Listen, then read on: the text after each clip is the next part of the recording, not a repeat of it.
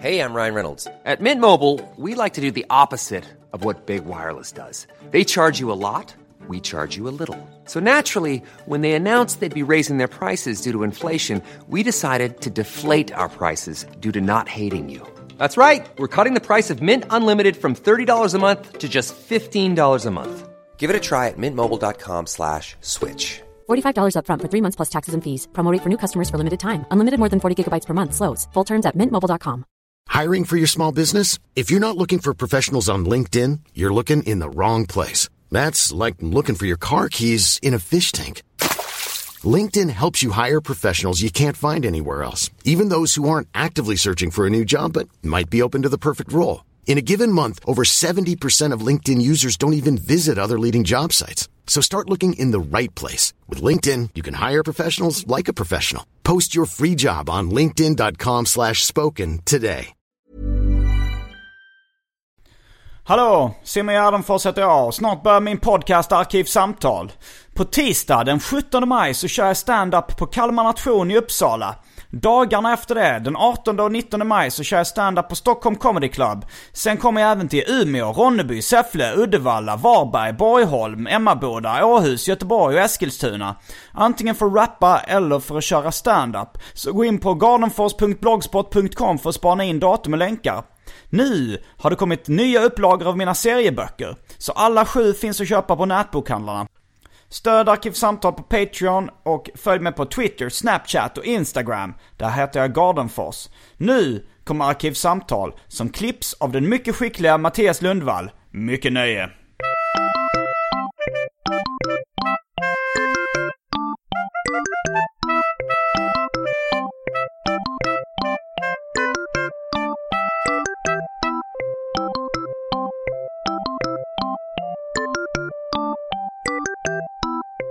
Ibland så har du ju lagt upp en annan bild väl? Eller i appen så är det en annan bild väl?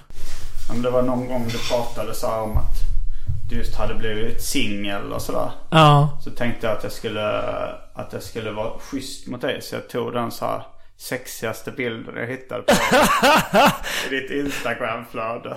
Ja, ja. Men var det sist jag var här? Ja, det var det nu. Ja, för att det roliga var att, eh, att vi gjorde nämligen exakt samma bedömning i så fall. För du hade tagit samma bild som jag hade på Tinder tydligen. Jaha, okej. Så då var det sen att jag skulle, jag skulle gå på dejt med någon tjej som jag träffat där. Ja. Och så visade det sig att hon lyssnade på Arkivsamtal. Mm. Och förstod att det var samma person. För att det var samma bild. Aha, okej. Alltså hon tittade på appen. Och så bara var det en bild på den killen. Det är samma bild som hon hade sett då på Tinder. Mm. Så uppenbarligen hade du och jag valt samma bild om vi skulle få mig att se snygg ut. Eh, Jag såg också någon, det finns Arkivsamtals eftersnacksgruppen på Facebook. Ah, okej. Där var det någon tjej som skrev eh, det här fick mig att skaffa Tinder. Det, när någon la upp det här avsnittet Ah, okej. om. Jag vet inte om det man ska bli glad eller oroad över det. Men eh, Glad vet inte hur. Ja, men jag tänkte hur har det påverkat hennes liv? Om Ja. hon skaffat Tinder. Ja, ja precis. Hon kanske kan följa upp nu i gruppen och rapportera av om det var liksom en, en välgärning eller, eller en otjänst. Det- Jag tänkte att det var för att då få träffa, få chans att träffa dig. Ja, du menar så. Jag tänkte med att hon tyckte att jag sålde in det liksom. att det Aha, var nej jag tänkte Ja, nog att hon eh, tänkte det här verkar vara en trevlig man. ja. Jag hoppas på det. Då säger vi hej och välkomna till Arkivsamtal. Jag heter Simon Gärdenfors och mitt emot mig sitter Adam Svanell. Stämmer. Välkommen hit. Tack. Om du skulle beskriva dig själv med valfritt antal ord. Hur skulle du beskriva dig då? Jag undviker, brukar undvika att beskriva mig själv. Okej. Men man, det du- vanliga, man brukar säga så här. Jag jobbar med det här. Jag är si och så gammal. Ja, Mina intressen är... Precis. Jag jobbar med journalistik på Svenska Dagbladet. Jag är 33 år gammal. Och dina intressen. Mina intressen är skogspromenader, Är det träffa mina vänner. Är, gillar du skogspromenader? Alltså jag sa det bara på skämt nu, men egentligen så är alltså jag gillar promenader överlag. Mm. Oavsett om de är i skog eller i stad. Du har inga udda fritidsintressen? Alltså, jag, jag vet inte, det första jag tänker på när folk säger mina intressen Ja. är till exempel så här att jag samlar på godisförpackningar. Precis. För det är kanske det som sticker ut lite i... Ja. Alltså så här, jag gillar också att kolla på tv-serier. Men det låter inte så spännande. Nej, alltså för det låter så hemskt. Det låter som man är arbets- arbetsnarkoman när man säger det. Men för mig så är det lite så här flytande gräns tycker jag mellan mitt jobb och... Ja, det alltså det är så här, jag har ju en, jobbar på tidning. Sen har jag gjort en tidning innan med andra kompisar på fritiden. Mm. Och hållit på med och du vet. Spelat musik för och nu eh, skriver jag andra grejer när jag inte... Alltså du vet så här, jag har ingen så här att jag sp- spelar bandy. Eller Nej, du har inte det. För jag har ju ändå så att jag spelar flipper och samlar på olika grejer. Som Just inte det. har så mycket med mitt jobb att göra. Nej men de grejerna är så otroligt ospecifika att de räknas inte som hobbys tror jag. Vadå, Lyssna på radio och poddar. Läsa en bok i badkaret. Det är inte så här, det är inte på hobbynivå riktigt. Nej, det är det kanske inte. Och sen läsa en bok kan ju vara en del av ditt jobb också om du jobbar Ja, på ja, precis. Kulturredaktionen väl. Exakt. Men ett, Kan du inte- rekommendera något? Vad skulle jag passa för? att Vad du skulle hobby, passa för, Ja. för hobby? Ja. Eh, har, har du någon form av samlartarm i dig? Nej, inte direkt alltså. Du har inte det? Jag är ju tvärtom så att jag blir ganska uttråkad när jag håller på med samma sak. Så vill jag alltid göra något nytt. För jag tror jag går lite emot hela samlar. Man vill liksom ha allt och man vill vara, det ska vara komplett och så. Jag skulle aldrig orka det. Jag skulle, bli ut, jag skulle kunna börja en samling. Jag har påbörjat några samlingar några gånger i livet. Kapsyler? En, även typ så här eh, ovanliga ciggpaket hade jag en samling när jag var typ 20. Men det blev typ så. Åtta ovanliga ciggpaket. Men, eh, men du har ju eh, haft hobbyn tramsmusiker. Mm. Bland annat eh, gjort låten Bajs on the Dance Floor. Som du gärna tar upp. Det, det är underhållningsvärde. Bara att säga det, det Ja, får ja. säkert någon att, att dra på mungipan. ja, det är bra. Och vad är målet med livet om inte att sprida ett leende? Ja. ja, ja, if you put it that way. Ja. Eh, Så det, det hade, kan jag rekommendera att du skulle sätta dig och göra med Tramsmusik, ja. låtar. Kanske. Spela in och... Jag skriver en del trams numera på jobbet. Så att det är Ja. lite som att den, jag får utlopp för det där tror jag. Okej. ja. Jag- jag- Du behöver inga hobbys. Du bad om rekommendationer. Ja, jag bara tänkte, jag kände plötsligt att det var ett tom, tomrum i mitt liv. Att jag inte hade någon hobby. Hobby och intresse, är det samma sak? Typ, tror jag. Nej, fast en, ja, jo, kanske. Man kan Man vara kan- intresserad av något utan att egentligen... Man kan vara intresserad av politik, Ja, men man kan inte ha det precis. som sin hobby. Jag tror, alltså det är det som är grejen tror jag, att jag är intresserad av jättemycket. Alltså jag tror nästan det lite hänger ihop med att jag, mitt yrkesval också, att jag tycker jag har så lätt för att bli intresserad av nästan vad som helst om jag börjar läsa på det. Men jag är inte alls nördig. Är du inte nördig? Nej, jag tycker som ju, återigen, nu blir liksom rastlös. Jag och en kompis skrev en bok om, vi skrev om spel, alltså spel om pengar. Så efter det har jag varit så här jättetrött på det och knappt velat liksom skriva om det. För att då höll man på med det i ett helt år och sen blev det bara så här. Uh. Och samma sak när jag jobbade med den här filmen vi gjorde för några år sedan eh, som handlade om digital, digitaliseringen av kultur. Tyckte jag var en jätteintressant fråga. Och sen så gjorde vi den där filmen och sen efteråt så Varenda gång någon mailar in förslag om så här, ja men jag vill skriva om det här med digital... Så är det som att jag bara... Slänger mail. Nej men inte riktigt. Men du vet, så här, det är som att det liksom fick nog för en livstid av det ämnet. Så. Ja, men då är det väl kanske att du, att du har ett ganska begränsat intresse i de områdena. Du kan ju säga vad boken och filmen heter om det är någon som vill kolla upp det. Eh, Ja, boken heter Spela lagom. Filmen heter Press Post Play. Men i och för sig om man ska plugga sådär som man gör så kan jag ju snarare nämna att jag har gjort en annan film. Som i och för sig inte eh, går att se någonstans än, men som vi kommer släppa i sommar. Ah, Eh, liksom på nätet så alla kan se den gratis. Som handlar om semestervanor i Japan. Den heter Tokyo Vacations. nu har det faktiskt blivit dags för det omåttligt populära inslaget Välj drycken.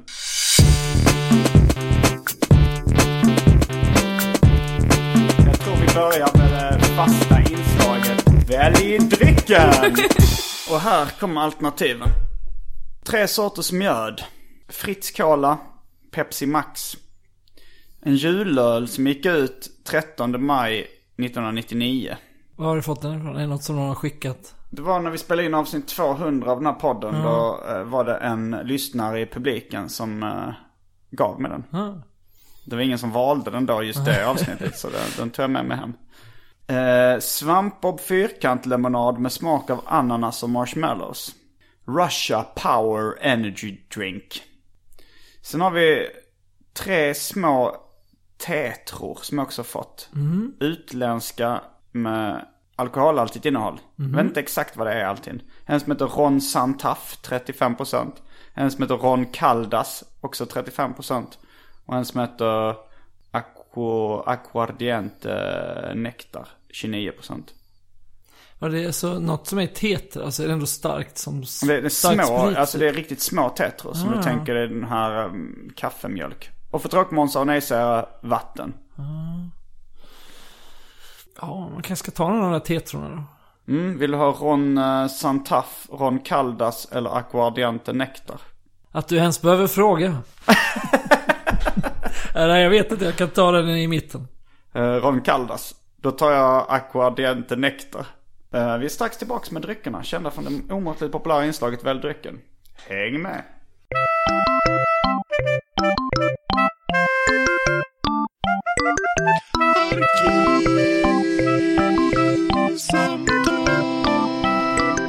Då är vi tillbaks med någonting som ser ut som vit och brun sprit. Eh, det smakar som pastis. Eller Ja. vad smakar ditt som? Alltså jag vet inte. Som en blandning av typ kanske whisky och risvin eller något. Det var inte jättegott. Ja, jag, jag är en rätt stor pastis-fan. Det är. Alltså det är väl lite samma som sambuca eller Oso typ. ouzo. o- Eller eh, ja men absint för den delen. Fast det här var lite svagare då. Eh, så jag är hyfsat nöjd. Det här att du har sån här underlägg i kork liggande på bordet. Är det för att det inte ska låta när man ställer ner glas? Ja det är det. Det dunsar till lite annars. eh, vi, hade, vi pratade lite om uh, välj drycken-inslaget. Att de här dryckerna har då någon, någon, jag tror jag fick dem på posten. Någon som skickade. Och jag upphörs aldrig att förvåna över hur populärt väldrycken har blivit. Alltså det blev, i början så är det lite ironiskt att det var det omåttligt populära inslaget. Men sen så har det ju en lång historia. Det, det är ju eh, någon som startade en välj drycken-blogg. Personen kallar sig Pokari Sweat som är då en japansk dryck. Ehm, som också har startat Arkivsamtal eh, eftersnacksgruppen. gruppen. Eller det var nog David Liljemark som startade den men Pokari Sweat administrerar den. Men det var nog Pokari Sweat också som mutade mig till att byta från... Alltså jag kallar ju inslaget ett tag för det måttligt populära inslaget. När jag var lite besviken. Jag hade missat någon gång och fick bara en som reagerade på det på Twitter. Men då mutade han mig och frågade hur mycket pengar... För han tjatade jättemycket. Jag tror det är en han. Jag har sett han... eh, Det är en anonyma foton. I och för sig är det ju en tjej eh, på bilden då. eh, På den här Milky. Ja. Har du någon aning om vad det är för kön på Peka- på på På Pokari Sweat. Ja. Jag tror det är en kille. Eh, Men jag är inte helt säker. Det var ju, jag var ju såg dig här när du körde din standup-föreställning. Mm. Det var ganska hög halt killar. Ja, Ja. det, det har blivit så. Det, det är samhällets fel. Ja. Ja, nej, åter till din story. Men, eh, men då så, så störde han då på sig att jag kallade det för det måttligt populära inslaget. Och tjatade på att jag skulle byta tillbaka till det omåttligt populära. Så till slut sa han, hur mycket pengar vill du ha för att byta? Och då sa jag 40 spänn. Och så fick jag ett kuvert med 40 spänn. Jag tror det var en var- Strong Zero-läsk från Japan. Eller en alkoläsk som eh, var som en liten bonus. Så du, det var inte dagen- heller så att du swishade eller du fick dem så, utan det var ett kuvert med Jag hade, kontanter. ja det var det. Jag hade inte Swish på den tiden. Eh, och jag tyckte det var svårt att skaffa Swish. Alla sa det är jättelätt, det är lätt, jättelätt. Så sa jag okej men eh, hjälp mig då. Och så sätter man sån här sån halvtimme. Så nej jag fattar inte hur det här jävla bank-idet ska installeras eller vad man ska.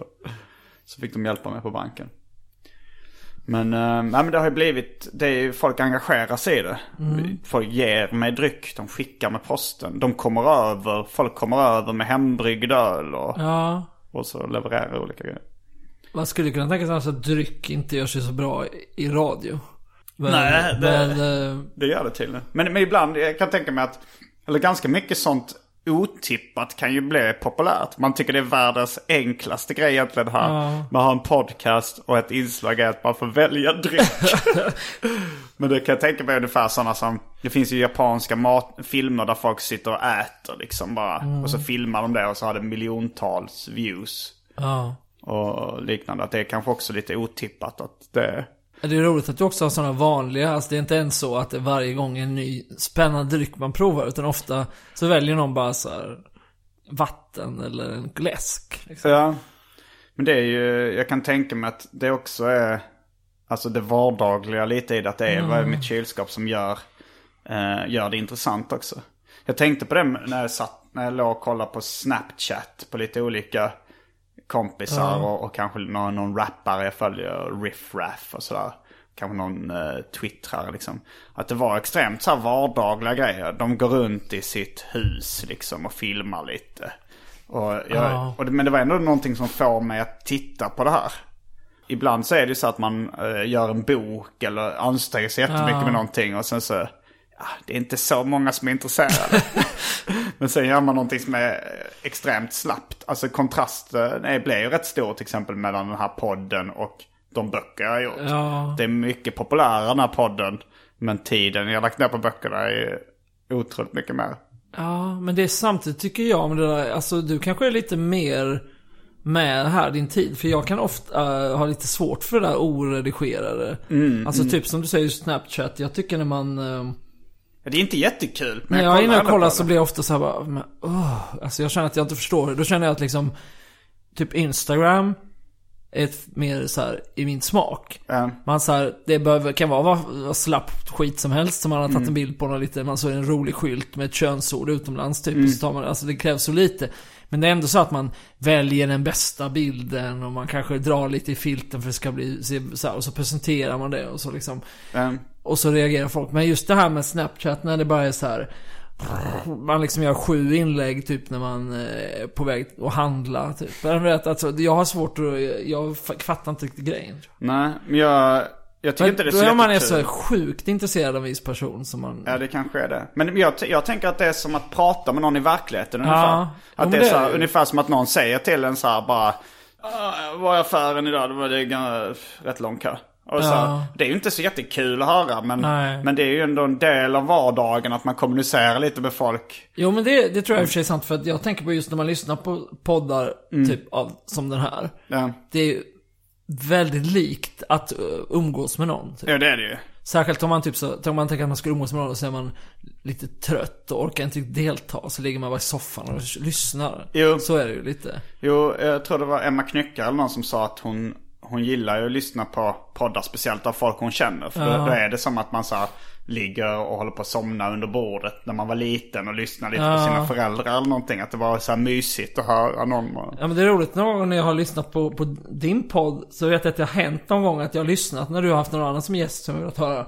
Och så har du berättat någonting. Och sen har jag typ pratat med någon annan kompis till oss. Så har jag typ sagt så här, ja men Simon sa att, eller Simon berättade, så inser jag att nej det gjorde du inte. Eller vet du, jag har inte ens träffats. Eller du vet, jag har bara hört dig berätta det här i, i podden. Ja. Men sen så blir det också att man även man lär känna folk som man kanske inte känner på riktigt. Alltså för jag, jag känner inte Kevin Smith. Nej. Men, men efter ett tag så känns det som att jag känner honom. Och då så blir det ju som att ligga och lyssna på sina föräldrar som pratar när man Ja, somnar ja. under bordet när man är liten. Men Ens jag tänk- föräldrar tar en sån här god tetrasprit, ett glas tetrasprit. det brun, kanske- brun tetrasprit. Det är kanske är det som är det, det, väck, det är det som väcker an en nerv i folksjälen. att alla har legat och lyssnat på sina föräldrar. De sitter och super på kvällarna Ja, ja, och sen somnat. Med, och sen så nu så är det under mer ordnade former. Några som sitter och super och så får man lyssna på det. Lite samma koncept som nattsudd också. Ja, ja men visst, alla kan relatera till det. Hennes alkoholiserade farsa sa till fru, till sin mamman liksom efter man hade krypit in. Och, Vad ska du ha ikväll då för dryck? Liksom. Vem dricker det? Ja men mi- mina föräldrar. Jag vet, alltså så här, min pappa, eh, alltid under min uppväxt så drack han så här. På kvällen satt han sig och läste någonting och drack ett eller två glas vin. Jag vet inte hur vanligt det är att man, att Nej, man satt... jättevanligt om man är alkoholist. Att man, det, det tror jag tillhör då liksom. Men ett glas vin känns ju ganska lite för en alkoholist. Ja, ja, ja. Det är mer, jag väljer att se det som mer fransk uppväxt. En fransk alkoholism. Men jag tänkte på det här, apropå att inte hänga med i sociala medier. Alltså det är ju en känsla som säkert eh, de flesta får där. Ska man haka på det här eh, nya Snapchat eller liksom Ja. vad de... All, det kommer ju nya grejer hela tiden. Och eh, jag kommer ihåg när jag var tillsammans med en tjej. för eh, ett gäng förhållande sen. Kanske två, tre, två, tre stycken. Som, eh, hon hade inte Facebook. Och eh, jag pratade med min polare Pike. Så, så, så sa, sa jag det till henne. Nej men hon har inte Facebook. Sa, sa han. vad är det för fel på henne då? Och då tyckte jag det först det var lite, lite kaxig fråga liksom. Ja. Men sen kom jag på att det är ju en ganska relevant fråga. Alltså så här, för att Facebook är ju egentligen bara ett effektivt sätt att kommunicera på. Och det förenklar mycket. Och att, att, i, att välja då att inte pyssla med det här som alla andra kommunicerar med. Det måste ju vara lite som att när språket uppfanns, när talat ord uppfanns. Så var det några som valde så här, nej det där, det är ingenting för mig. Det här att prata, vad är, vad är det för skit? Någon säger vad de ätit i morse, någon säger vad de ätit i frukost, någon säger att de såg en rolig katt. Varför ska jag bry mig om det? Man tar ju alltid upp sådana liksom meningslösa grejer när man ska kritisera en ny form av kommunikation. Det är bara Ja. så här, ah, ta, eh, lägga upp bilder på sin frukost, vad är det för skit? Men det är ju samma sak, det går att använda till all form av kommunikation. Ja, visst. Sen finns det ju massa andra mer kanske eh, lite rimligare skäl att inte ha, alltså jag använder ju Facebook jättemycket. Men jag menar det kan ju vara så att man bara inser att man mår dåligt av det typ så här, att man inte kan, att man tittar hela tiden eller så. Det tycker jag är lite mer legitim. Ja, men det, är väl, Om man det, liksom- det borde ju vara samma då som att någon tycker så här, det här med prata, jag, det känns sjukt, jag pratar hela tiden nu. Jag använder det här språk hela tiden. Men, och det var, jag tycker det är en vattentät jämförelse. För, så här, för då, det, det var ju säkert som som så här, tyckte, nej jag ska inte prata, det är bara Ja. Man behöver inte prata med Men menar du att man måste anamma allting då? Alla nya... Nej men allting som blir lika, alltså Facebook har ju blivit nästan lika populärt som talat språk. I, I alla fall i mina kretsar. Ja. Och att då ställ, välja sig ställa utanför det, det är ju jämförbart med att välja att inte... Ja. Men samtidigt måste väl, ja. Man fortsätter kommunicera med, med meme eller vad man gjorde innan eh, det talade språk. Ja men jag förstår vad du menar. Det finns ju något, folk som gör det är ju antingen ofta ganska lite udda. Eller så är de bara vill vara det. Ja. Men jag menar jag tycker inte det är något liksom fel i det. Jag har svårt att relatera till att man Fel och fel. vara- Ett barn det- som vägrar att prata. Ja, men- Det är, det är, man, ser, man tycker det är något fel på det barnet. Som, det finns ju Du barn tycker som att vägrar. alla, alla måste vara i mitt fall. Man måste göra exakt likadant som alla andra då. Nej, nej. Alltså jag, jag vet inte vad man gör med ett barn som inte pratar. Spärrar in det på vinden eller Ja, ja, i källaren. Jag har, jag har inga barn själv. Jag vet inte hur man gör. Men tycker du att man ska sätta in speciallärare i skolan till barn som inte vill ha Facebook? Nej men folk som inte Eh, pratar. Jo, oh. det tycker jag.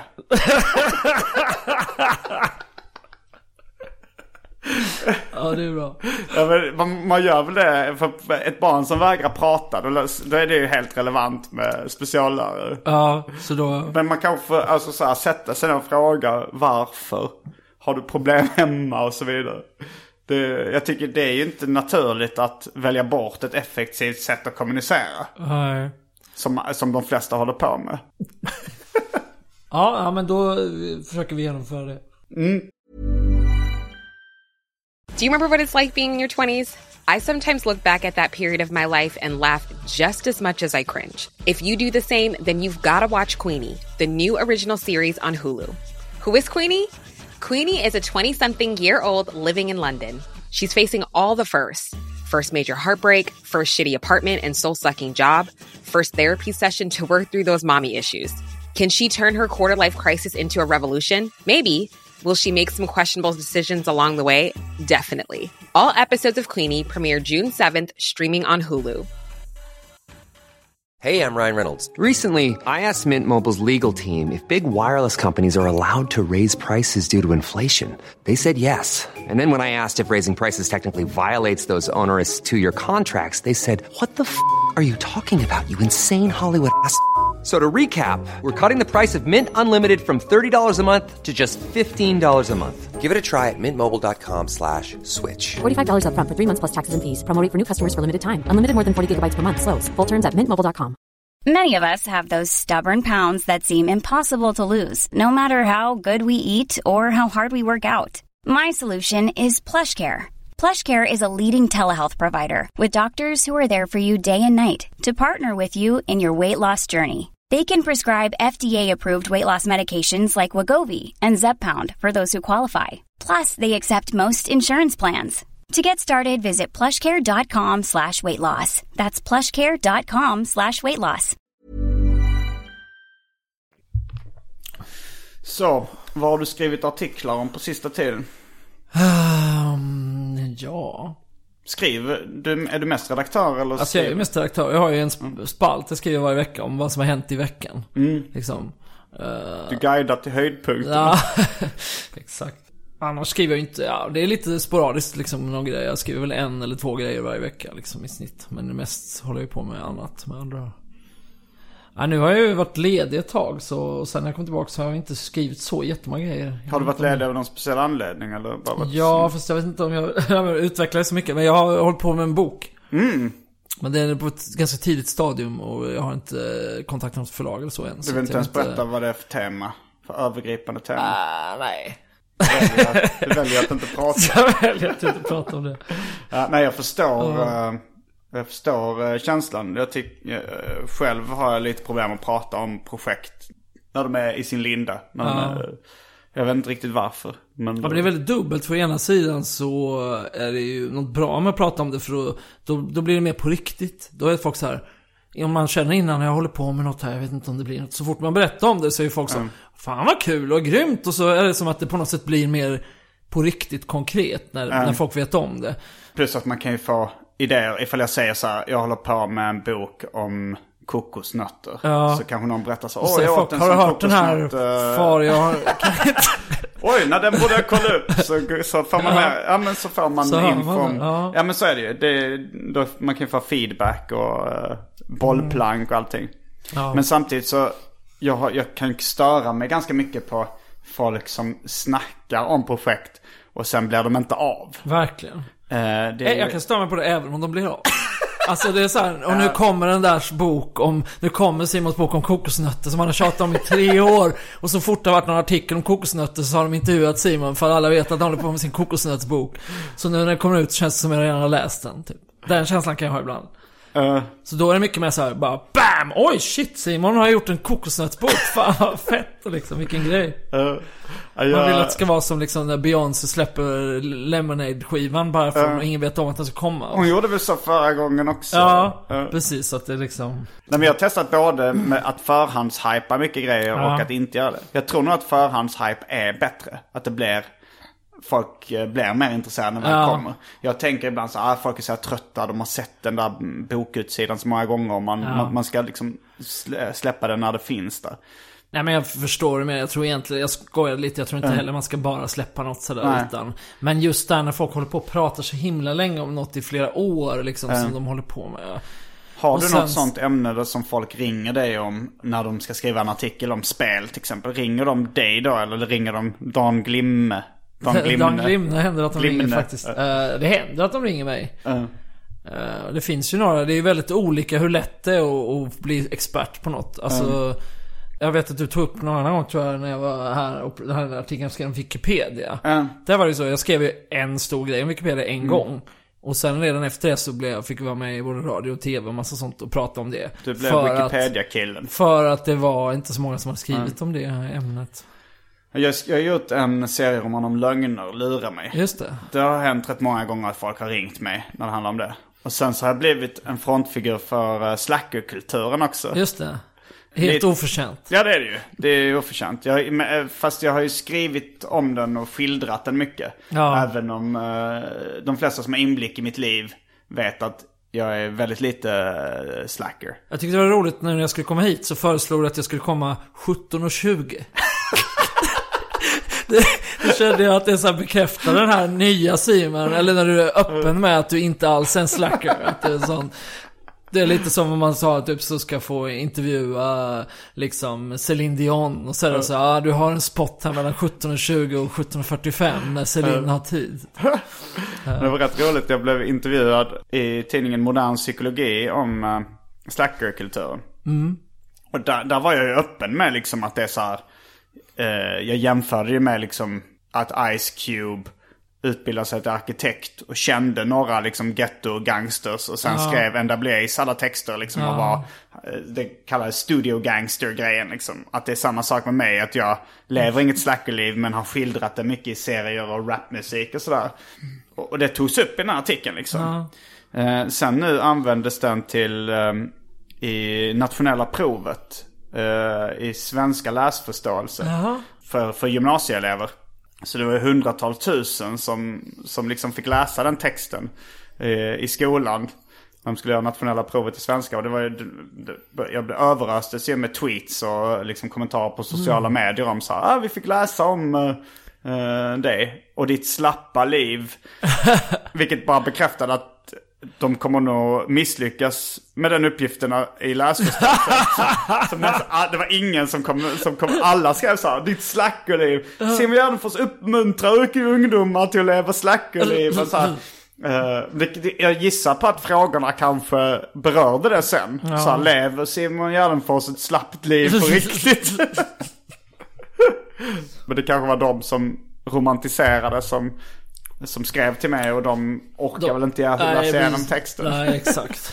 De tyckte det var skummade lite och tyckte Ja, ah, det var kul. Det namnet känner jag igen. Man undrar alltid vilka de är, de som, är, de som har noll och noll.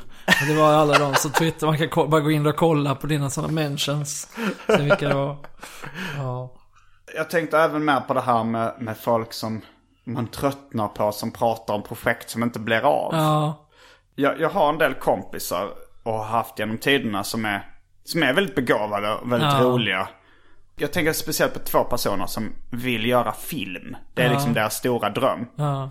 Men eh, de tycker på något sätt att de bara ska få en budget någonstans ifrån. Alltså de, de blir alltid sura när de ser en svensk film specifikt. För att de tänker så här, fan det är så dåligt, hur kan den här få en budget att göras? Jag borde få göra film. Ja. Jag borde få en, en miljonbudget för att göra film. Och jag stör mig alltid mer och mer på det här att det är så här, Det är ingen som bara kommer ge dig en budget. Du får börja och gö- göra nollbudgetgrejer och Exakt. liksom eh, visa att du kan göra det på egen hand. Och sen kommer folk, när du har visat vad du går för på nollbudget, kommer du kanske kunna ansöka. ja, det här för mig in på mitt favoritämne, digitaliseringen av kultur. Nej men allvarligt, det är ju verkligen så att man kan ju göra viss typ av film utan nästan några pengar alls. liksom. Jo, så är det ju. Den här filmen som jag gjorde nu, som jag försökte då promota innan. Den eh, gjorde jag ju utan någon egentlig finansiering. Jag fick ett stipendium Alltså bara för den här eh, om om japanska jag, jag fick, semestervarven. precis, jag fick stipendium för att åka till Japan Mm. och vara där i en månad. Och då, delar av de pengarna använde jag till att köpa utrustning. Och sen gjorde jag ju hela filmen själv. Utan, jag liksom gjorde jag allting. Och det, men det blev ju något som Ja. ändå folk har visat och som var på filmfestivaler och sånt. Så jag menar, det går ju verkligen att göra Mm. Jo, det grejer. går ju. Och sen kan man ju därifrån växla upp och göra liksom Just i filmsvängen är just det här att det är så, folk som har gått filmutbildningar och så, de är ofta så väldigt inne på det här att Ja man måste ju ha en gaffare och en skripta och en... Ja, nej men det är så att det är riktiga professioner, att man ska respektera dem och att det måste så här Jo. Och att så... Men ofta Men om man själv kommer in från annat håll så kan man ju bara så här. Ja men då är jag, alltså man är så van om man som du och jag har hållit på med liksom massa ändå, man har gjort musik och sånt. Man är ju van att man gör allting själv. Ja. Och så har man det förhållningssättet. Jag Ja. tror nog ofta det är ganska mycket ursäkter för att folk inte orkar sätta igång själv. Och så säger de så här, jag måste ha en budget först. Ja, jo. För att det här och det här ska klaffa. Men det är ju... Jag tänker på ett skämt av uh, komikern Marcus Johansson som säger att eh, man ska inte döma människor efter eh, ja, men ras och etnicitet. Utan man ska döma folk efter det sättet som vi alla vill bli bedömda på. Det vill säga efter de prestationer vi ha, hade kunnat göra om vi bara hade orkat. Det är rimligt. Eller liksom vad man tror att man skulle vara kapabel Jo, till om någon insåg ens fulla potential. Jo, för det känns ju så det går ju runt jättemycket människor och tänker att fan, jag hade kunnat göra så grymma grejer om jag, om jag bara hade orkat. Ja. Alltså där att man bara hade orkat, det är nog lite för beskt piller att svälja. Ja. Så man, man skyller nog på andra saker så här. Att om, jag bara, om jag bara hade fått chansen. Ja. Så här, eh, min dröm är att få skriva en bok. Det har man ju hört några kärringar säga liksom ibland. Och det, det stör mig det här få skriva en bok.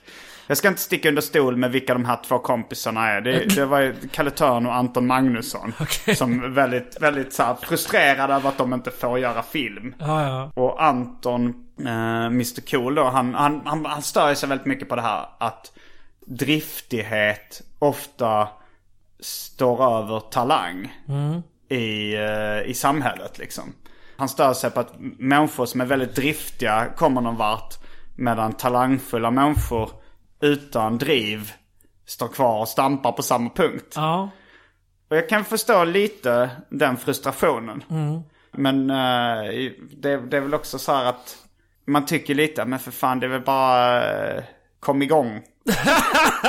Sätt igång för fan. Men jag, jag brukar känna precis som du, men jag försöker, jag försöker ändå ha lite mer ödmjukis. Eller jag tycker ändå jag har sett, i, li- ju längre man har levt också, att vissa människor är det så sjukt svårt att bara göra grejer. Uh, jo, stör Alltså, sig typ när jag, när jag var yngre och jag hade det här projektet eh, Jag hade ju ett band i många år som hette Bremen Bråtröster GmbH Som jag hade Mm. med, min, med min gamla kompis Olis Och det var hela vår dynamik var ju så att han började på massa bra låtar Mm. Och han var ju väldigt begåvad Men inte så driven Mm. Och sen tyckte han bara det var roligt att göra nya låtar Han tyckte det var tråkigt att göra klart dem mm. Men alltså jag var ju mycket mer så att jag ville liksom få ut låtarna och ville att folk skulle höra dem och så vi kunde åka ut och göra spelningar och allt sånt. Så det var ju ofta så att jag satt och gjorde klart hans låtar sen, du vet. Eller bara för att, för att det skulle komma ut liksom. Och jag känns, den typen av personer som han känns som finns hur många som helst. Ja, som är så här skit, ja jättemycket att komma med men liksom inte alls har det där att kunna pusha sig själv till eh, Det finns ju folk som liksom typ fuckar upp hela sina liv och typ inte har, kan ha ett jobb knappt. Mm. För att de inte kan få Just av sådana skäl liksom. Jo. Fast de kanske är skitsmart. Men, Så jag eh, tänker det är ändå, ja. Jo, det det är ju synd Jag tänker snarare så. att man ska vara, man ska vara sjukt nöjd. Att man är en sån person som kan Jo. få ändan vagnen. Eh, men, uh, jo, men den dynamiken hade vi lite i Las Palmas också. Ja. Att det var så här, jag fick verkligen tjata på att vi skulle göra klart låtar och, och skicka in dem till ställen och, och liksom att de skulle komma ut. Men, men eh, Kalle var ju jättetalangfull musikaliskt och, och rolig och sådär. Men hade inte det här drivet som krävdes för att färdigställa saker. Men, men det är ju också så här att jag tycker man måste ju vara pragmatisk. Det, det är svårt, alltså det finns ju mycket grejer som var så här, det borde vara så här. Det är det som vissa som så här. Det borde vara så att eh, snälla, försiktiga killar får jättemycket tjejer. Vadå, är det inte så?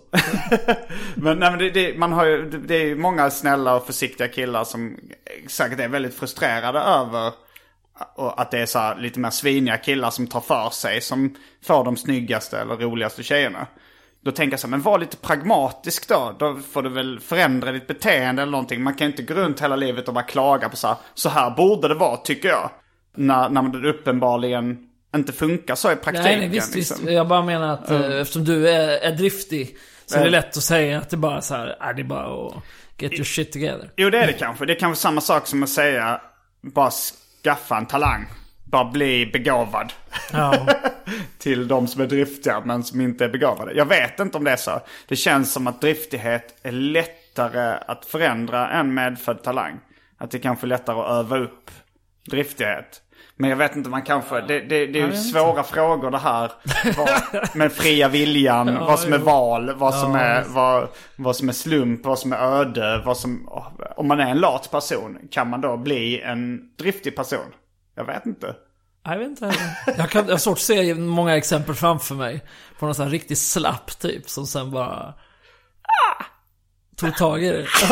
Ja, det kanske inte, det, det kanske inte finns några exempel ja men på många sådana här man vet som är väldigt driftiga nu. De var ju så här redan när man var liten. Ja. Alltså man vet typ så, ja men säg som typ Viktor Banke, som både du och jag känner. Ja. Eh, Som Han är är- advokat, Nu är han, eh, ja, han, han är ju liksom, eller han är jurist men Mm. snart färdig advokat och debattör i så migrationsfrågor och sånt. Innan det han gör nu så har han gjort 71 andra grejer där han har varit framme och hållit på och försökt göra massa grejer och, och redan vi gick i skolan samtidigt och redan då Mm. visste man vem han var liksom. Du vet, sådana personer brukar ju vara en viss typ. Det brukar inte vara så här att, att det bara var någon som Nej men så är det ju ofta med, med folk som blir framgångsrika Ja. inom olika, alltså jag gick på samma skola som Timbuktu. Och han var ju Ja. så här först uh, skatare liksom, var så här, vann SM i miniramp.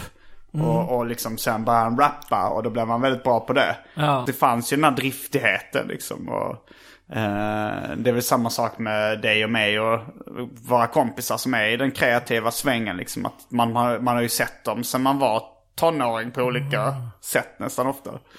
Eh, men, men det är väl vanligare att det blir tvärtom. Att det är någon som kanske har varit väldigt har gjort väldigt mycket sen kanske går in i en depression eller någonting och inte är så driftig längre och inte är så kreativ längre. Men man tänker om det kan gå åt det hållet så tycker jag det borde kunnat gå åt andra hållet också. Men jag hade den här diskussionen nyligen med Anton då om han tyckte att, ja men så här, till exempel i Idol. Då är det ju folk som kanske är, har talang, är bra på att sjunga. Och som blir upplockade av det här etablissemanget via Idol. Och sen får ut en skiva och får en karriär. Ja. Och de kanske är talangfulla men inte speciellt driftiga, vissa av dem. Nej. Fast de är nog ganska driftiga ändå tror jag. Kanske. För det finns ju så här barn som kan sjunga jättebra. Eh, och, och så säger det någon så här, deras kompis anmäler dem till tävlingen. De har, Ja. inte, ens, de har inte ens driftighet nog att anmäla sig själv. Det är ofta så, så här, din kompis har sagt att du är jättebra på att sjunga, så kommer programledaren. Det är säkert mycket bakom kulisserna där man inte får se. Men så tyckte han att där har du ett exempel på någon som blev, för jag tycker så här, men det är ingen som bara ger någon en filmbudget. Man måste kämpa liksom. Men jag sa väl då att då är de mer som ett bra, den rösten då de har är mer som ett bra instrument. Att det är som en jättebra trumpet eller någonting. Att det, det, de är inte de som skapar låtarna. De, det är inte ofta de idolartisterna som skriver sina egna låtar. Det är inte de som gör det, det stora, drar det stora kreativa lasset. Utan de är mer som en, en väldigt bra verktyg i, i processen. Sen så är det ju så i, i sångbranschen att, eller i musikbranschen att ofta verktyget sång får jättemycket uppmärksamhet. Att det kan vara, alltså Elvis Presley till exempel. Han var ju bara en väldigt på, bra sångare och dansare. Om du överför det här på Anton så har han ju en väldigt rolig röst och Mm. timing Som gör att vad han än säger så låter det som ett roligt skämt. Ja, så så det det. är ju som motsvarigheten då till att vara liksom född med, med så här idol... Jag kan ingen idol. Idol-Dannes röst liksom. Ja, men det kommer jag ihåg första gången. eh, Men då skulle han vilja att det fanns en liksom komiker, ett komikerbolag som plockade upp honom och gav honom storsäljande material. Ja, han, har ju, han är ju bra, bra på att skriva material Ja. också. Och han är ju inte, han är ju inte, han är hyfsat driftig. Det finns ju eh, folk som är mindre driftiga Ja. än honom. Och... Det är bara jag som tolkar det här som att det handlar om du kontra honom där. Ja men det Du var, driftig, va? det, det var väl alltså så här, jag, jag skulle nog säga att han har en roligare röst och en roligare timing än vad jag har. Men att jag är, dri- är mer driven. Och jag har väl liksom, just för tillfället, jag vet inte hur det kommer se ut. Han kanske går om mig men för tillfället så blir jag lite oftare bokad och har fler följare liksom. Trots att vi håller på med samma sak. Och det handlar nog mer om driftighet än om medfödd talang. Och jag tror att det är frustrerande för honom. För att han tycker att, eh, jag, jag vet inte vad, han bara tycker det är frustrerande att, att driftiga människor kommer längre än talangfulla människor. Det är en slump att han tycker det har ingenting att göra med. Att han, ja. han har en sån piltavla med din bild på hemma. Så. Nej, nej, vi samarbetar mycket. Jag kommer ihåg det när vi... Alltså jag, jag, han gjorde ju grejer. Jag hade ju inte upptäckt honom om- han inte hade varit driftig och lagt upp. Han, han har ju gjort mycket rap battles och YouTube-videor. Och jag, jag såg ju dem och tyckte att han var rolig. Och kontaktade honom och frågade om vi ska göra ett ra, radioprogram. Och då kommer jag ihåg jag spelade upp det för dig. När de tidiga så här sketcherna busringningarna vi gjort. Och då, det kommer jag ihåg att du sa det där så. Han har ju en rolig röst. Du, du tyckte inte, jag kommer ihåg att du tyckte inte de var så jättekul. De Ja, det var lite varierande minns jag. Tyckte vissa grejer var väldigt roliga. Eh, Ja. Det finns ju sådana, alltså jag tror i USA där det finns ännu mer pengar i det. Det var kanske vanligare förr då innan sociala medier också att det fanns lite så talangscouter som kunde plocka upp någon som de så hade rå talang. Och, och sen bara liksom pressa dem till att bli stjärnor liksom. Eh, Även inom stand-up-världen och sånt där. Det går ju, man måste ju ha en viss driv själv liksom. Jag tror det går inte att, eh, att pressa någon som inte vill själv. Det är som det där klassiska. Det går inte att hjälpa någon som inte vill bli hjälpt. Precis, vad, hur gör du det i överförd bemärkelse då? Det ska vara det här. Om du, ska du ge någon en fisk eller ska du lära dem att fiska? Um, ge en man en fisk och han är mätt en halv Ja. dag. Ge en man ett fiskespö Och han kan ha mat för resten av livet. Precis. Så då ska man ge, ge Anton Magnusson en sån kurs i entreprenörskap. Ja, men ja, det går ju rätt bra för honom också. Det, det, och, och han vet ju med sig om att så här, han sa det eh, häromdagen också så här, att så här, han hade, hade varit rätt missnöjd med något gig. Så sa han så här att eh, men nu känner jag så här, nu har jag kommit så långt jag kan eh, på talang. Nu måste jag börja kämpa också. men det är, jag, jag, jag är ganska driftig. Men jag, jag känner så här, ibland kan jag, kan jag se andra som är ännu driftigare. Eller tänka så här, när jag, började, när jag själv började med stand-up till exempel. Ja. Då gick jag in stenhårt för det. Och så här, jag skriver ett skämt om dagen, uppträder så ofta jag kan. Läser allt jag kan hitta liksom om ämnet och, Ja. och pratar med folk. Försöker verkligen bli så bra som möjligt och kämpa hårt för det. Och ibland kan jag känna så här att, tänk om jag hade gjort det med rapmusiken.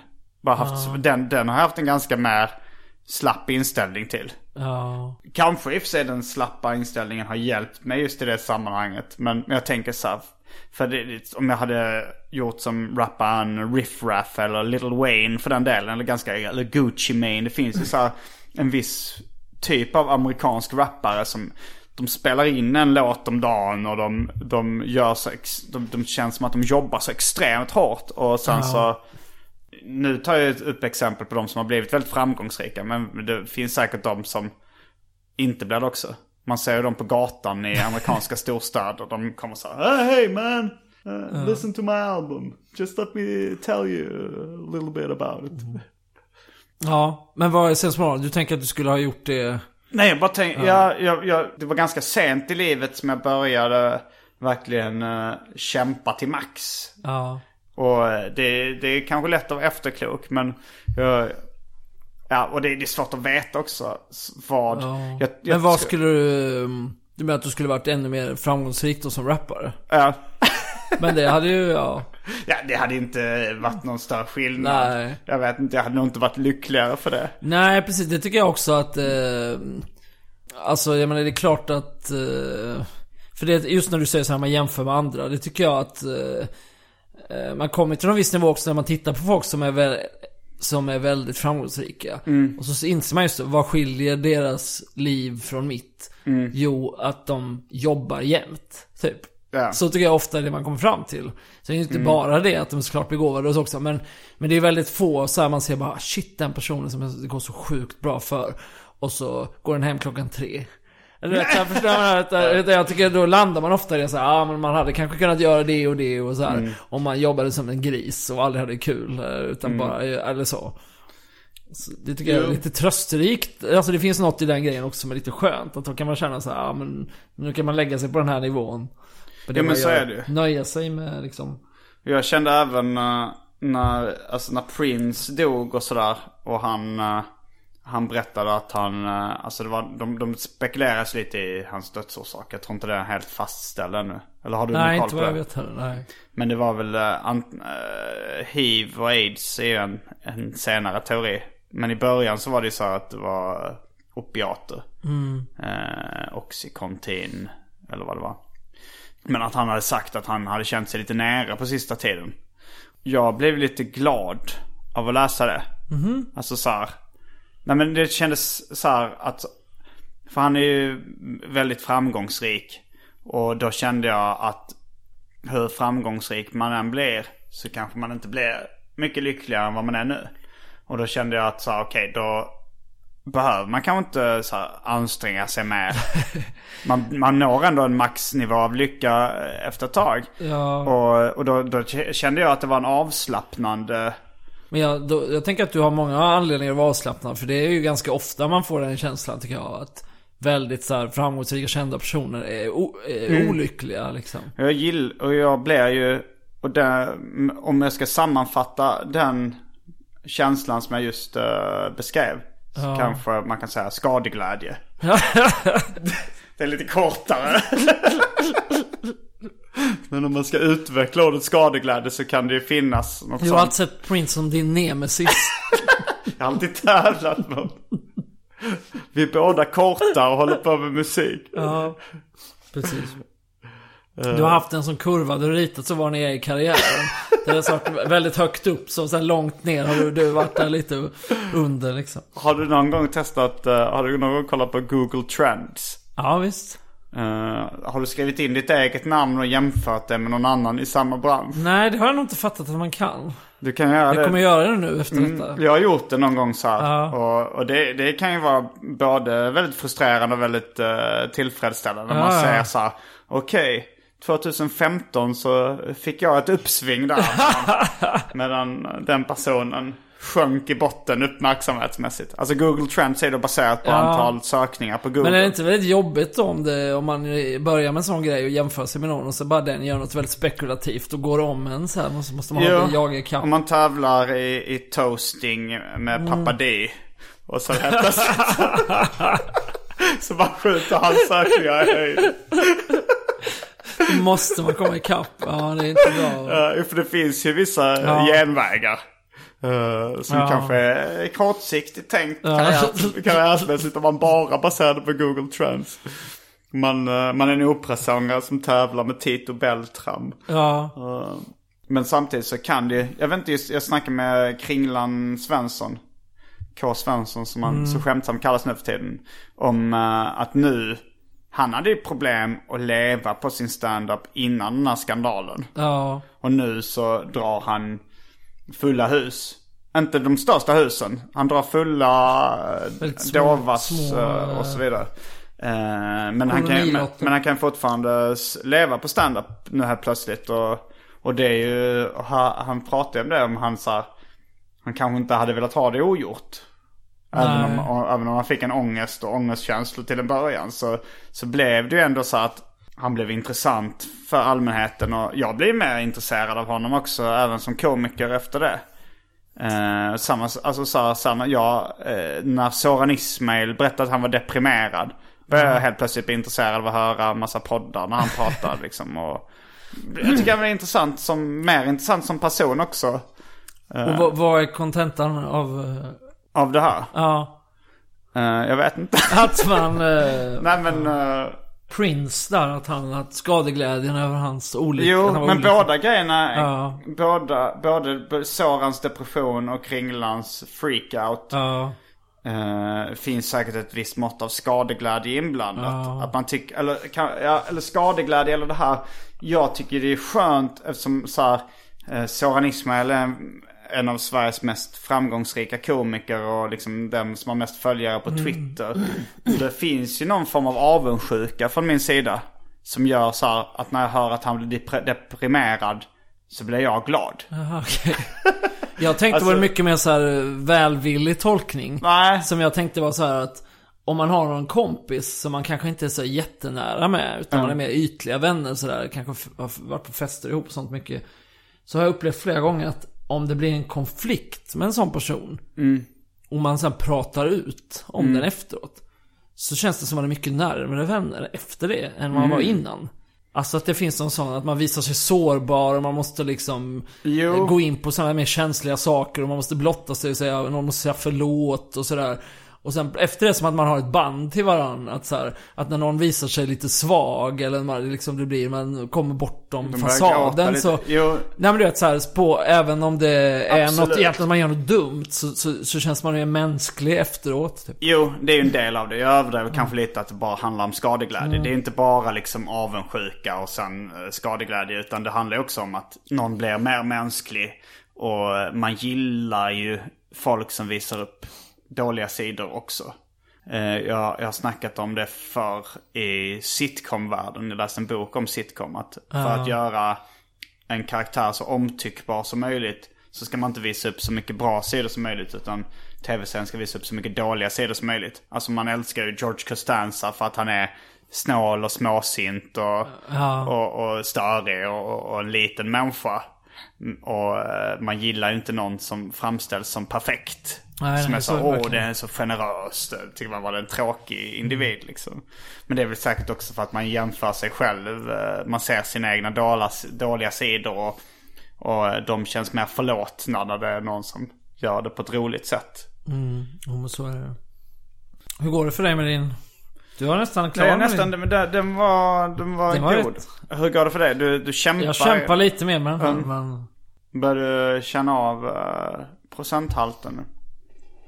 Jag antar det, jag vet inte. Det är nästan det är så lite svårt att avgöra. Det är så varmt också idag. Mm. Så det man sitter och svettas och... Ja. Vi har inte...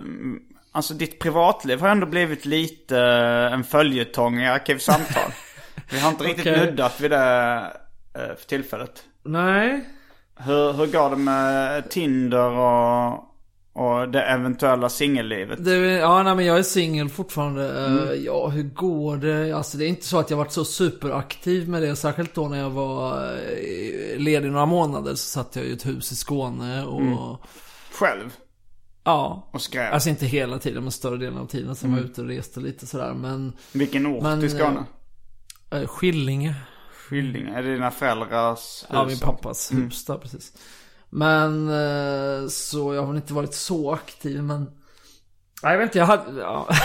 jag hade en ganska märklig eh, historia med Tinder-relaterad men jag är lite sådär Tänk jag, nu jag på funderar att man nu får på sympatier Ja, ja, nej men, men sig. ja, ja, men blotta mig själv, inga problem. Jag bara funderar på hur mycket man kan blotta a- andra inblandade. Det är bara att hitta på Men- något spexigt mm, pseudonym. Ja, ja okej. Ja, men jag kan försöka så får jag stoppa om det blir för... Uh, nej men apropå... Um, nej men hur var det nu? Jag var här och pratade, men då pratade vi om att jag hade börjat med det och provat Tinder tror jag. Eller då Mm. tror jag inte jag hade, jag kommer inte ihåg när det var. Men jag tror inte jag hade gjort det så jättemycket då. Det var nog ett ny på Tinder. Ja, så var det nog. Uh, och sen då i höstas så testade jag det lite, inte sådär jättemycket men ändå liksom använde det lite sådär. Och hade väl en del ganska sådär inte så jättepositiva upplevelser. Eller alltså det var helt okej men man träffar ju lite, så här, lite lustiga personer och sådär. Och det blev ju lite tacksamt lätt så att man uh, ja, underhöll bekanta med de här olika historierna om olika personer man träffat och sådär. Och sen då så så i november tror jag så träffade jag en tjej som jag faktiskt så här, var på en dejt med och tyckte shit hon var ju grym. Det här är väl faktiskt någon som jag gillar, gillar på riktigt. Typ så. Uh, och sen bara någon dag senare så var jag på en middag hos några så här bekanta som du vet de har så här barn och väldigt så. Och så blev det lite att jag satt och skrävlade lite och sen träffade jag en tjej som lite sådär liksom. Och spelade rollen av den så här um, singelpersonen som underhåller med, med, med historien om sitt privatliv för att liksom Mm. Ja. Och då så tror jag att jag kände något behov sen då att kompensera för det. Så sa men häromdagen var jag på en eh, riktigt bra dejt liksom med en tjej. Och så gjorde jag då misstaget att säga vad hon hette. Och så såg man så här att det, något i det, hände i deras ansikten.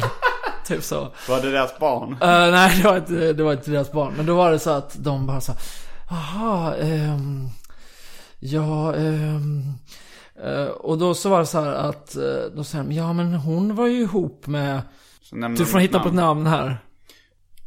Är det ett pojknamn? Ja. Anders. Okej. Ja men då var det så här, ja nej men hon var ihop med Anders innan. Anders då är alltså en kille i min ålder som jag är lite bekant med. Okej. Fast väldigt ytligt. Som jobbar i samma sväng. Um, Och är en väldigt trevlig person också sådär. Men som jag inte känner alls väl, men vet vem det är liksom och sådär. Ehm, eh, jag bara, "Ja, och så bara, nej men det verkar ha varit jättejobbigt och han, han mår inte alls bra av det och jag tror inte, liksom, hon, henne ska du se upp för, verkligen sådär var det typ så. blev du som det här eh, som kvinnor som skriver brev till män i fängelset då? Att du blev mer taggad när du kände, åh, henne ska man akta sig Nej, för. nej det blev jag inte alls faktiskt. Men det jobbiga var att, att jag, det blev en mental process då jag tänkte först. Ja, men jag kan ju, måste ju strunta i vad de säger, de har ju aldrig träffat henne. Det är det kvinnorna Men- som skriver brev till män i fängelse Ja, tänker exakt. också. Så är det precis. Han var ju snäll mot mig. det sa många av Hitlers... eh, ja. Nej men... ehm, så tänkte jag, ja men jag skiter i det där och så träffade jag henne igen i alla fall och sådär. Mm. Men sen så var det liksom att det där låg och, låg och gnydde i Vad, fick du bakhuvudet. reda på vad det var hon hade gjort mot Anders? Nej, egentligen inte. Det var väldigt mycket löst snack. Och sen vill jag inte gå in på i detalj heller, liksom exakt vad det var heller. Men, men nej, det var väldigt mycket bara så här, ja men jag har hört att eh, hon var jätteknepig och sådär. Mer så. Och så fortsatte jag träffa, eller träffade henne någon gång till och sådär. Sen gjorde jag då, tog jag det smarta beslutet att ta upp det här. Eh, vilka, ja det var väl sen, det var ju sent en kväll och vi kom in på något Mm. närstående och så bara för kände jag väl behov av att blotta det här från Ja. med, med, Det är kanske så, är bra. ja. Nej det var det inte, det var det inte. Så hon blev jättesårad och... Varför det? Nej för att det gick snack bland folk som hon inte ens hade träffat om att hon var knäpp i huvudet typ, Mm. eller vet så här. Så hon blev jätteledsen och så här, och det blev jättejobbigt allting och så här. Mm. Och sen efter det så hörde hon av sig så sa hon typ så här. Nej, jag kände efter det som hände så bara tappade jag hela peppen på allt det här. Oj, jag blev så ledsen så jag vill inte ses mer. Det här är alltså bara upptakten till den Okej, riktiga anekdoten. Den riktiga anekdoten. Så jag bara, Ja, ja, det ja, bra anekdot ja. i sig. Jag Ja. gillar när prologen står sig som Ja, ja precis. Som, ja. eh, ja, det här, ja, är. det med uppbyggnadsfasen. Eh, så efter det här då, så helt orelaterat så, så började jag ha kontakt med en, en annan tjej som jag har haft någon slags längre tillbaka i historien och längre liksom historia med lite, som Romans. varit komplicerad sådär. Och så började vi, precis efter det här ses lite igen. Och då berättade hon att hon har testat Tinder. Och att hon hade faktiskt dejtat en kille som jag kände lite. Den här Anders. Och jag bara, det här är weird. Liksom, väldigt konstig slump. Ehm, men eh, ja, jag bara tänkte, det var ju extremt konstigt. Det här hände det precis liksom efter varandra. Men, och sen sågs vi lite mer och så kändes vi väl liksom båda att det inte, ja, kommer bli något bra. Sen då, efter det här. Så nästa person jag träffar, som också då är genom Tinder. Vi började skriva lite varandra och sen skrev hon så här. Nej men eh, efter ett tag att, nej men vi kanske inte borde ha, fortsätta ha kontakt. För jag har eh, träffat en kille nu som jag dejtar lite och känns som det håller på att bli lite seriöst. Så det blir lite konstigt kanske om vi fortsätter ha kontakt. Typ. Låt mig gissa vem det var. Ehm, jag, jag tycker vi väntar med den. och så, och sen så, men sen så gick det ganska fort, bara någon vecka senare eller något, så skrev hon så här. Nej men alltså jag, nej, han, det kommer nog inte, det här, det kommer nog inte liksom bli något bra med den här killen och sådär. Så att liksom, och då var jag så ja ja, men ska vi gå ut och ta en öl då typ? Så gjorde vi det. Och så um, var vi ute och vi var på um, landet, vid telefonplan. Det här är i januari, så det var liksom så här. Ja, vi var ute där en hel kväll och så kom vi... Var det en karg vinternatt? Det var, ja, vissa är det. Ja men det var det fan nog faktiskt. Jag vet inte om det var det var en vinternatt i alla fall. Och så kom vi ut från det här stället, så vi hade varit där hela kvällen, stod och pratade, det hade varit väldigt trevligt och så började vi så här kyssas och sådär liksom. Så då var det, är liksom telefonplan, klockan är halv två, det är inte en människa inom sikte, det snöar och sådär. Då kommer det så här en ensam gestalt lufsande liksom genom, eh, eh, förbi telefonplan där. Och så liksom blev det så att vi bara tittade upp. Och där så står då Anders. och han liksom eh, tittar då på den här tjejen. Och, och ser väldigt förvånad ut. Och sen tittar han på mig. Och håller typ, som jag uppfattar i alla fall, liksom på nästan halka på typ en isfläck. Eller något. Och ser oerhört ställd ut. Det låter som en stumfilm där. Eh, Ja, och eh, säger typ hej hej och, och ser väldigt förvånad ut och går vidare. Och, och liksom vänder sig om efter ett tag och liksom tittar igen. Typ som att, har jag sett rätt? Sådär. Och sen så säger hon då så här. Ah nej vad konstigt det blev nu. Det är ju den där killen som jag precis uh, dejtade. Ehm, ja. Ja, jag, jag tror både jag och lyssnaren kunde ju lista ut att Ja, ja, var- exakt. Men jag har inte, det är inte som en påhittad historia där man, där man bygger upp det för en oväntad poäng. Nej. Eh, men men Ja. så, så eh, du tänker att Anders är någon slags sexmissbrukare på Tinder som... Du försöker framställa, du slutshamea Anders helt enkelt. det, Han, att, ja, att det är hans fel att de här kvinnorna framställs som tokiga. Eller vad är Du det? tycker att de framställs som tokiga? eller Nej, hur? nej men det var, det var ju den första tjejen du pratade om. Jaha, hade ju nej, då, nej, nej. Hade Nej, ju då nej. Anders eh, f- fått att framstå som Jaha, vilken intressant tolkning. Eh, Jag tänker ja. att det är Anders som är problemet. Ja, ja, okej. Att det är Anders som är sjuk. Ja, Det tänker jag. Jaha, det är bara okej, min... ja. eh, och att han skyller ifrån sig på de här tjejerna. Och säger, hon var sjuk i huvudet. Men, men är det i en viss sväng liksom? Är det... Är det, är det liksom i, i eh, ett visst intresseområde? Lite är det, men inte Mm. jättemycket heller Nej. alltså ändå. För det låter lite för, Ja, för, eh, det kan inte vara en slump. nej, nej men precis. De tolkningarna man kan göra är ju då möjligen att, att eh, Anders då har träffat alla tjejer i hela Stockholm. Mm, han, Eller då att han och jag är han väldigt något sätt- attraktiv liksom, Anders?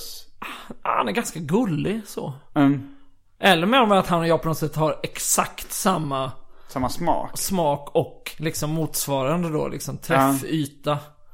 På något sätt. Jag Mm, vet det är ju inte. intressant. Eh, Men vad hände sen? Var det sket det sig igen på grund av Anders? Nej, det gjorde det inte.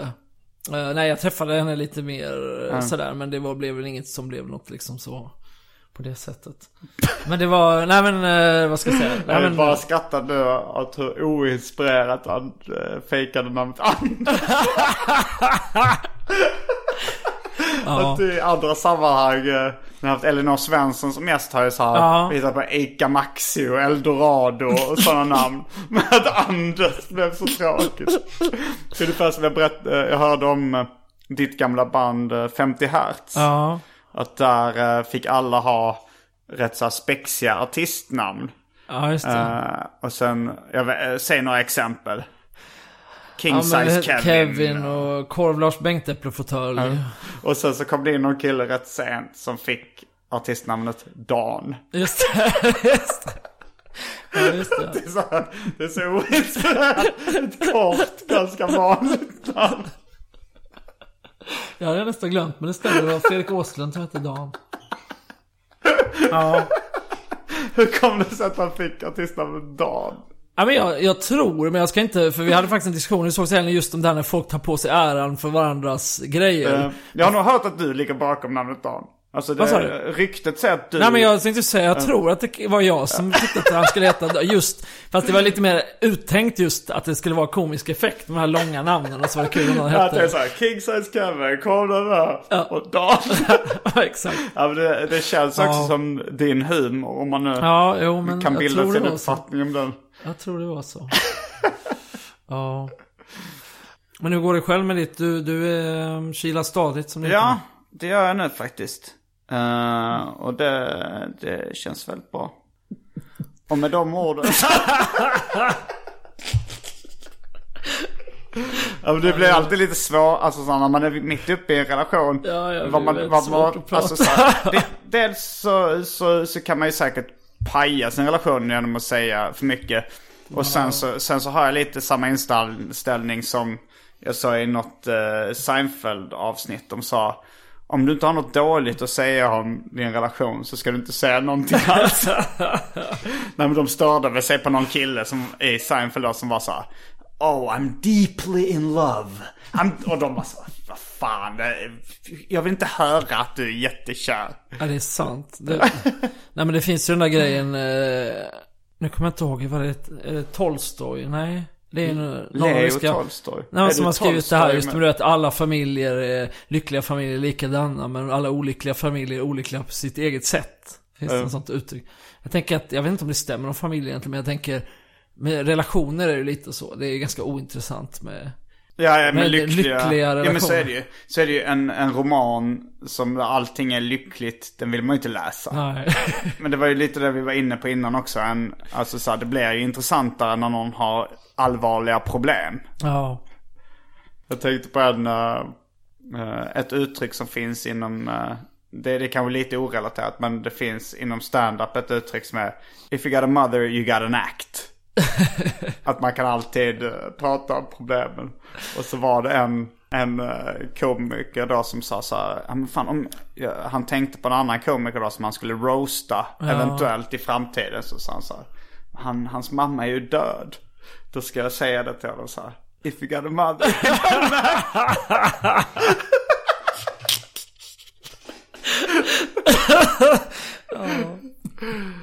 Och med de orden så avslutar vi veckans avsnitt av Arkivsamtal. Jag heter Simon Gärdenfors. Jag heter Adam Svanell. Fullbordat samtal.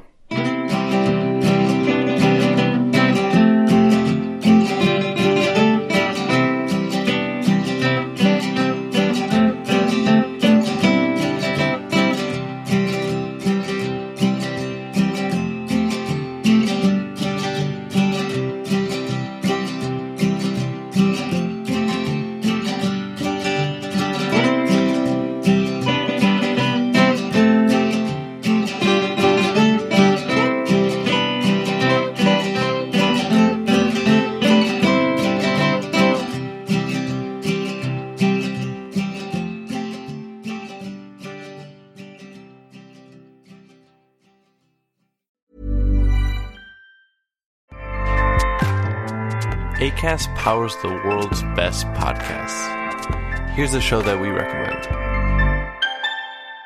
The Real Housewives is a guilty pleasure for most, but if you're looking to not feel guilty about that pleasure, tune in to Everything Iconic with me, Danny Pellegrino, where I break down all the messy moments and behind the scenes antics of Bravo's popular franchise. And on Everything Iconic, I also interview celebrity guests like Kelly Ripa, Kiki Palmer, Drew Barrymore, Cameron Diaz, and more about their guilty pleasures, their past work, and so much more. So if you're pop culture obsessed and find yourself watching way too much reality TV like me, tune in to Everything Iconic with Danny Pellegrino wherever you listen to podcasts. ACAST helps creators launch, grow, and monetize their podcasts everywhere. ACAST.com.